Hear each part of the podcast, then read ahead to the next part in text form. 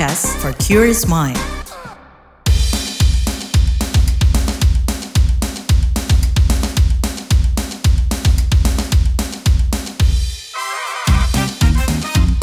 What's Trending KBR Pagi, siaran pagi radio paling update. KBR Pagi, siaran pagi radio paling update. Selamat pagi, apa kabar kalian semuanya di hari Kamis 21 September 2023. Kembali lagi saya Don Brady menjadi teman pagi hari kalian semuanya di What's Trending KBR Pagi pastinya. Nah siapa nih yang punya kebiasaan makan dan minum minuman kemasan berpemanis? Bisa jadi warning nih viralnya seorang pria asal Malaysia yang diamputasi kakinya lantaran kecanduan minum minuman bersoda. Kecanduan akan minuman bersoda menyebabkan dirinya mengalami diabetes mellitus. Tapi kebanyakan minuman dan makanan berpemanis tuh nggak cuma menyebabkan diabetes loh. Melansir laman Sehat Q dari Kementerian Kesehatan, beberapa ancaman kesehatannya mulai dari uh, obesitas, tekanan darah tinggi, gula darah tinggi, kolesterol tinggi, dan pengerasan arteri. Terus ada juga sakit kepala, migrain, kejang, hingga meningkatkan resiko kanker. Jadi gimana? Terpacu buat ngontrol konsumsi produk berpemanis gak? Atau tetap susah karena produknya banyak dan murah-murah? Nah upaya kontrol inilah yang bakal kita bahas usai komentar netizen plus 62 berikut ini.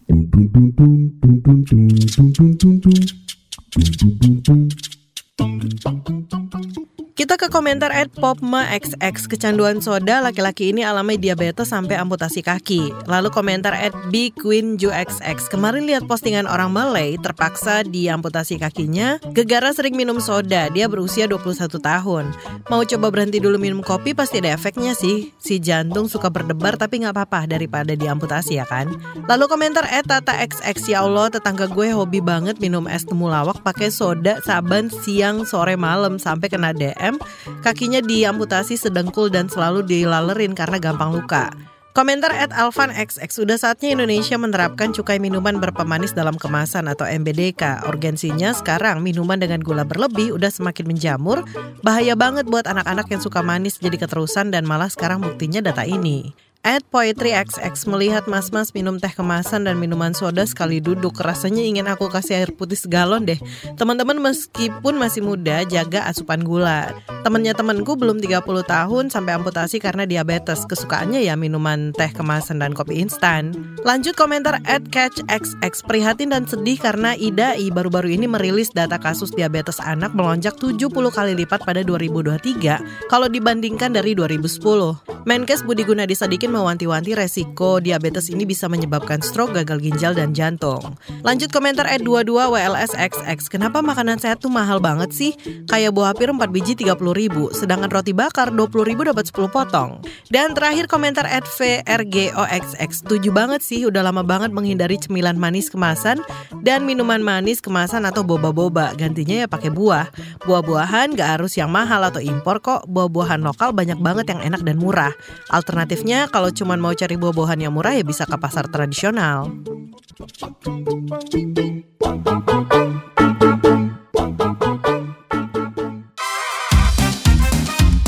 What's Trending KBR Pagi, siaran pagi radio paling update. Kita lanjutkan obrolan kita pagi ini. Jadi PLT Direktur Pencegahan dan Pengendalian Penyakit Tidak Menular Kemenkes Elvida Sariwati mengatakan berdasarkan hasil analisis lanjutan dari Kementerian Kesehatan 2014, minuman berpemanis adalah salah satu minuman yang paling tinggi tingkat konsumsinya. Di tengah bahaya mengkonsumsi minuman berpemanis, Kemenkes juga melakukan berbagai upaya pengendalian. Seperti apa? Kita simak penuturan PLT Direktur Pencegahan dan Pengendalian Penyakit Tidak Menular Kemenkes Kemenkes Elvida Sariwati pada webinar penerapan cukai minuman berpemanis dalam kemasan. Berdasarkan analisis lanjut dari ASDT SKNI yaitu Kemenkes 2014, minuman kemasan merupakan jenis minuman cair yang tertinggi dikonsumsi penduduk yaitu 19,8 mili per orang per hari dan menyusul minuman berkarbonasi yaitu 2,4 mili per orang per hari. Minuman kemasan cairan dan berkarbonasi ini paling banyak dikonsumsi oleh kelompok umur 0 sampai 18 tahun atau kelompok usia anak-anak. Tingginya konsumsi tersebut pada kelompok anak perlu menjadi salah satu fokus utama dalam penanganan konsumsi gula di Indonesia. Dalam upaya untuk merubah perilaku konsumsi gula yang berlebih ini, Kementerian Kesehatan telah melakukan kegiatan promosi kesehatan, mengeluarkan peraturan Menteri Kesehatan nomor 30 tahun 2013 tentang pencantuman informasi kandungan gula, garam, dan lemak, serta pesan kesehatan untuk pangan olahan dan pangan siap saji dan mendukung adanya peraturan tentang penerapan cukai pada minuman berpemanis dalam kemasan oleh Kementerian Keuangan. Upaya pengendalian konsumsi gula juga terdapat dalam RPJMN 2020 sampai 2024 yang menyatakan bahwa dibutuhkan sebuah regulasi yang mendorong pemerintah pusat dan daerah serta swasta untuk menerapkan pembangunan berwawasan kesehatan dan mendorong hidup sehat termasuk peningkatan cukai rokok, pelarangan iklan rokok dan penerapan cukai pada produk pangan yang berisiko tinggi terhadap kesehatan dan pengaturan produk makanan dengan kandungan gula, garam dan lemak. Nah, kalau Kepala Lembaga Demografi FEB Universitas Indonesia, Abdillah Hasan, mengatakan pada 2021 Indonesia diterapkan sebagai negara dengan penderita diabetes mellitus tertinggi kelima di dunia. Ini dilatari tingginya konsumsi minuman berpemanis. Lebih dari 61% penduduk di atas 3 tahun mengkonsumsi minuman berpemanis lebih dari satu kali sehari. Ini dia keterangan Kepala Lembaga Demografi FEB Universitas Indonesia Abdillah Hasan dalam acara tantangan kebijakan cukai atas minuman berpemanis dalam kemasan lebih dari 61 persen penduduk di Indonesia ini mengkonsumsi minuman bermanis lebih dari satu kali dalam sehari. Jadi 61 persen ini ya, di kita ini minum minuman bermanis lebih dari satu kali dalam sehari ada 60 persen orang yang melakukannya ya. Jadi ini sangat uh, disayangkan. Kemudian kejadian obesitas ya itu meningkat berdasarkan riset kesehatan dasar dari 15 persen menjadi 22 persen dari 2013 ke 2018. Kemudian diabetes mellitus ya juga meningkat dari satu setengah persen menjadi dua persen. Terjadi peningkatan prevalensi obesitas dan diabetes dari tahun 2013 dan 2018. Kita tahu bahwa diabetes mellitus itu menyebabkan faktor risiko ya dia adalah faktor risiko untuk uh, beberapa penyakit berbahaya ya penyakit yang seperti serangan jantung, stroke dan sebagainya, atau penyempitan pembuluh darah ya. Dan di dalam riset gas kejadian penyakit yang terkait dengan stroke, cancer, kemudian serangan jantung itu meningkat semuanya ya. Jadi penting sekali untuk mengendalikan penyakit dari sumbernya, dari hulunya. Jadi uh, kita sudah memiliki sistem jaminan kesehatan nasional, uh, BPJS Kesehatan, pesertanya sudah 200-an juta orang, namun kinerja kesehatan memburuk dalam arti uh, kejadian penyakit-penyakit tidak menular yang kronis yang menyebabkan disability ya itu meningkat seperti stroke, uh, cancer, serangan jantung dan sebagainya. Oleh karena itu penting sekali untuk mencegah dari hulunya. Mencegah dari hulunya kalau untuk case diabetes mellitus adalah dengan mengurangi konsumsi makanan, minuman yang mengandung gula.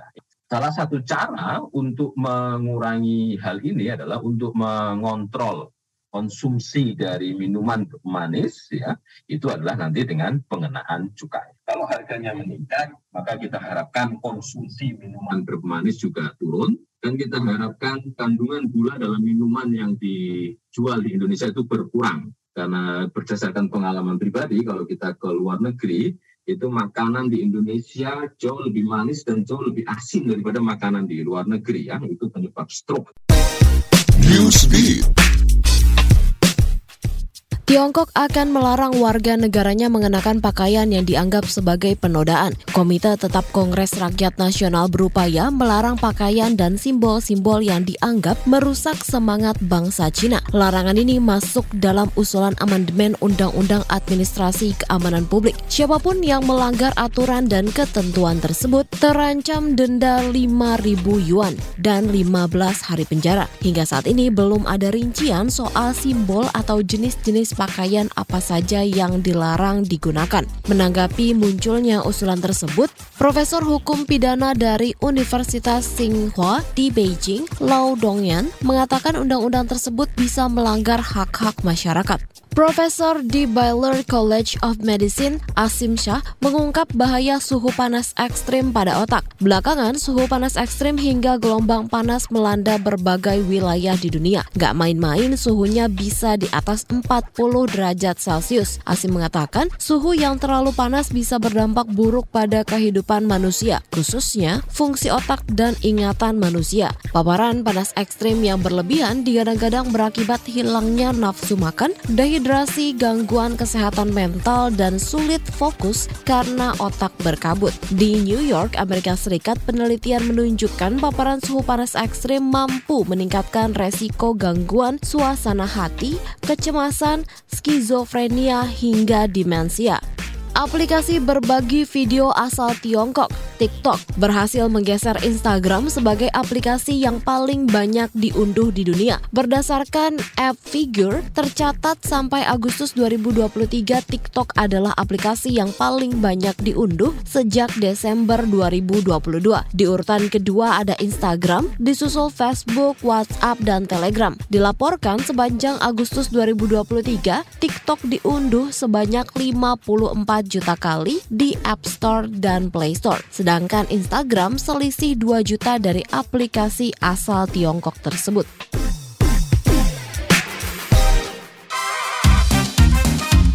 What's Trending KPR Pagi, siaran pagi radio paling update.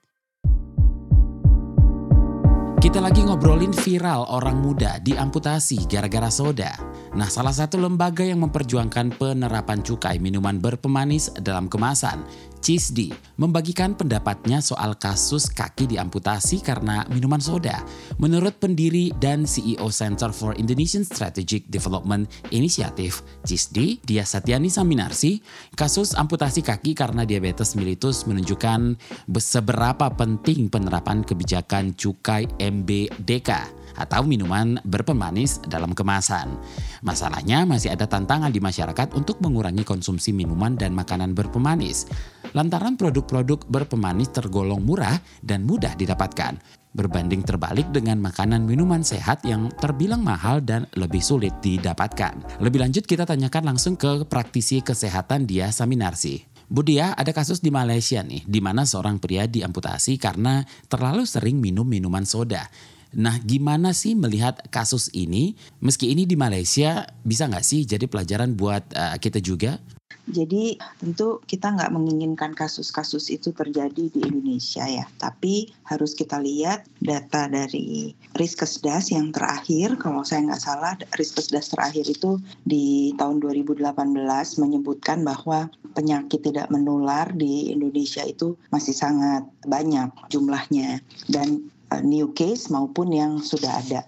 Jadi penyakit tidak menular itu salah satunya adalah diabetes. Nah kalau orang sudah dengan diabetes dengan kadar gula darah yang terlalu tinggi, maka dia akan memberatkan kondisi yang lain. Jadi pasti udah akan ada kardiovaskular disease, akan ada uh, beban juga ke sakit ginjal dan lain sebagainya.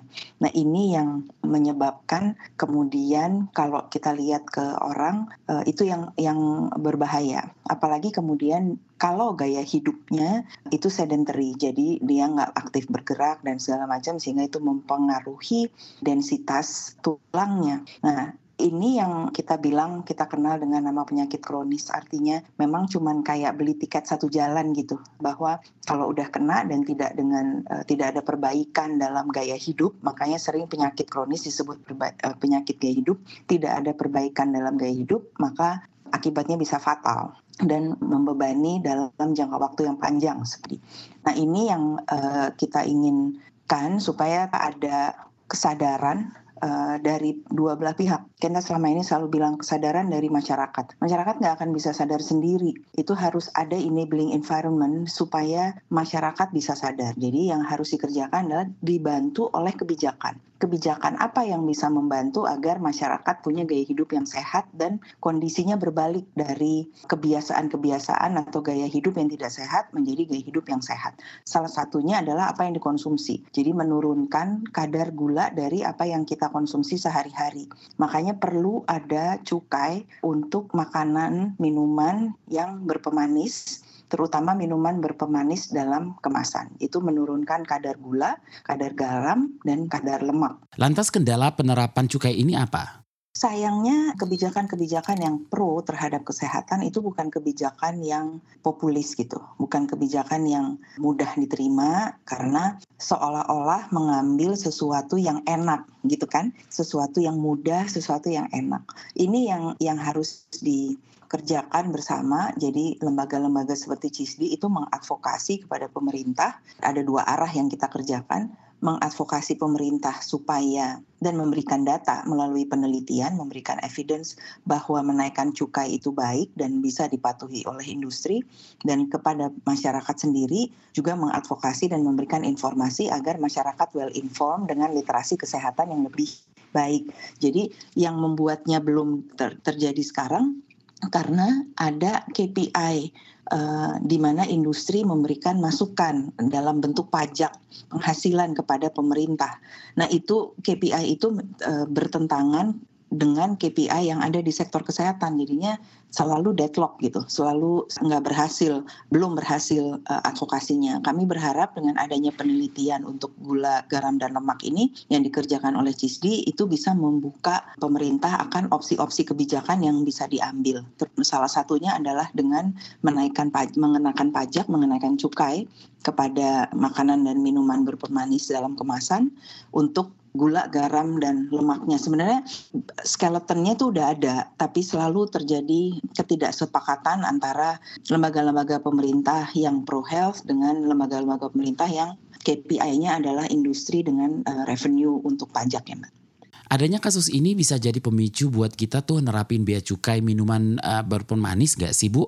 Kan ada contoh berbahaya Betul. Dalam dunia evidence based atau evidence informed policy making, kita mengenal apa yang terjadi di Malaysia ini sebagai yang namanya anekdotal example gitu, contoh anekdotal. Sebenarnya ada penelitian yang secara saintifik harus dilakukan, perhitungan secara ekonomi, kesehatan harus dilakukan supaya kita betul-betul kita dalam arti pembuat kebijakan nih pemerintah bisa betul-betul mengambil keputusan kebijakan yang solid berdasarkan evidence. Tapi kalau pertanyaan yang tadi sebagai anekdotal example tentu itu bisa diambil. Kita bisa ambil anekdotal example dari Malaysia, dari India, yang mungkin pola konsumsinya hampir mirip dan lain sebagainya. Selain diabetes nih Bu, bahaya apa saja sih yang mengintai konsumen minuman berpemanis ini? Apakah bahaya ini disadari masyarakat? Kalau mau ditanya e, gimana masyarakatnya gitu, ada berbagai macam faktor kan. Saat ini makanan yang sehat itu masih belum banyak available masih belum banyak tersedia dengan mudah dan kalaupun ada harganya lebih mahal daripada uh, yang uh, tidak sehat. Jadi masyarakat dengan satu udah literasi kesehatannya masih belum baik, literasi kesehatan masyarakat Indonesia masih sangat rendah ditambah keterbatasan ekonomi akhirnya jatuhnya pilihannya kepada yang yang tidak sehat terus. Nah, kalau kita sekarang me menggeser fokus kita kepada kebijakannya dan kepada industrinya, mestinya dua hal itu juga bisa membantu masyarakat untuk membuat pilihan-pilihan yang lebih sehat. Bahwa ada kebijakan yang ikut mempengaruhi pengambilan keputusan masyarakat dan ada kebijakan tersebut mengharuskan mewajibkan pada industri untuk memproduksi barang-barang yang sehat yang juga dengan orientasi kesehatan masyarakat. Nah, kalau ini semua bermain dengan baik, dinamikanya sehat, maka ini yang akan terjadi. Kalau sekarang itu semua availability-nya masih lebih banyak yang nggak sehat dan affordability-nya masyarakat juga masih kurang gitu untuk mendapatkan makanan yang sehat. Seberapa besar urgensi dan keuntungan menerapkan kebijakan bea cukai minuman berpemanis? Oh, sangat-sangat urgent. Kami berharap tentu pemerintah walaupun ini adalah tahun politik dan biasanya di tahun politik itu tidak ada peningkatan cukai, kami berharap pemerintah dengan urgensi yang ada sekarang dan melihat data berapa banyak dari populasi kita yang kena penyakit tidak menular ini, itu sebenarnya tip of the iceberg karena tiga kalau orang udah kena misalnya saya tahu dan ada tiga ada ada banyak orang lain tahu 30% itu hanya 30% dari yang sebenarnya sakit. Jadi jumlah sesungguhnya itu jauh lebih banyak daripada yang termunculkan di data. Karena itu sangat-sangat urgent untuk bisa mengambil uh, keputusan kebijakan kenaikan cukai ini. Termasuk Indonesia Emas 2045 itu yang katanya mau dicapai atau bonus demografi yang katanya mau dicapai itu tercapai semua kalau kita mulai segera untuk menaikkan cukai. Terima kasih pendiri dan CEO CISDI Dia Satyani Saminarsi.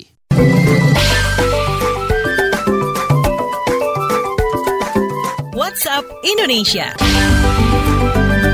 WhatsApp Indonesia kita mulai dari Surabaya. Dinas Kebudayaan, Kepemudaan, dan Olahraga serta Pariwisata Surabaya, Jawa Timur menyatakan rencana meletakkan trofi Piala Dunia U17 di tempat-tempat ikonik. Kepala Disbud Porapar Surabaya Wiwi Widayati menyebut dua tempat yaitu di Balai Pemuda atau Alun-Alun Surabaya dan di Taman Surya. Wiwi berharap pergelaran Piala Dunia U17 bisa menjadi pemantik semangat bagi anak-anak muda di Kota Pahlawan, Surabaya. Sementara itu, Wali Kota Surabaya Eri Cahyadi memastikan sarana dan prasarana di Stadion Gelora Bung Tomo sudah siap 100% untuk pelaksanaan acara pembukaan dan beberapa laga Piala Dunia U17. Diikuti 24 peserta termasuk tuan rumah Indonesia, Piala Dunia U17 akan dilaksanakan 10 November hingga 2 Desember mendatang. Ada empat venue yang akan digunakan yaitu Jakarta International Stadium atau JIS Jakarta Utara, Stadion Sijalak Harupat Kabupaten Bandung, Stadion Manahan Solo, dan Stadion Gelora Bung Tomo Surabaya. Selanjutnya menuju Riau. Kepala Otoritas Jasa Keuangan atau OJK Riau, M. Lutfi memperingatkan masyarakat akan bahaya investasi bodong. Lutfi juga meminta masyarakat Riau berhati-hati saat berinvestasi. Masyarakat diminta mencermati penawaran investasi yang datang seperti aspek perizinan dan keamanannya. Apalagi kalau ada tawaran-tawaran laba yang kelewat tinggi dan tidak masuk akal. Tak hanya investasi bodong, OJK juga menyoroti berjamurnya tawaran pinjaman online ilegal di Riau. Lutfi menduga kemajuan teknologi mendorong penipuan penipuan melalui investasi bodong dan pinjol ilegal makin berkembang di wilayahnya. Terakhir kita ke Jakarta. Nahdlatul Ulama NU memutuskan untuk mengharamkan meminta saran fatwa menggunakan sarana kecerdasan buatan atau artificial intelligence. Ketua Komisi Wakiyah Batsul Masail Munas Alim Ulama NU Hasan Nuri Hidayatullah mengatakan kebenaran jawaban dari sarana kecerdasan buatan belum dapat dijamin, meskipun dalam beberapa hal mungkin lebih cerdas ketimbang manusia. Hasan Nuri Hidayatullah juga mengingatkan jawaban-jawaban yang disuguhkan melalui sarana kecerdasan buatan juga bergantung pada informasi-informasi yang diterima oleh platformnya. Selain itu, tidak ada yang dapat menjamin informasi-informasi yang disampaikan sarana kecerdasan buatan perbuatan berasal dari sumber yang kredibel dan otoritatif untuk memberi fatwa berdasarkan paham ahlus sunnah wal jamaah. Hasan menyinggung informasi-informasi maupun platform berbasis AI masih banyak diproduksi oleh perusahaan yang tidak berkaitan dengan dunia keislaman. Demikian WhatsApp Indonesia hari ini.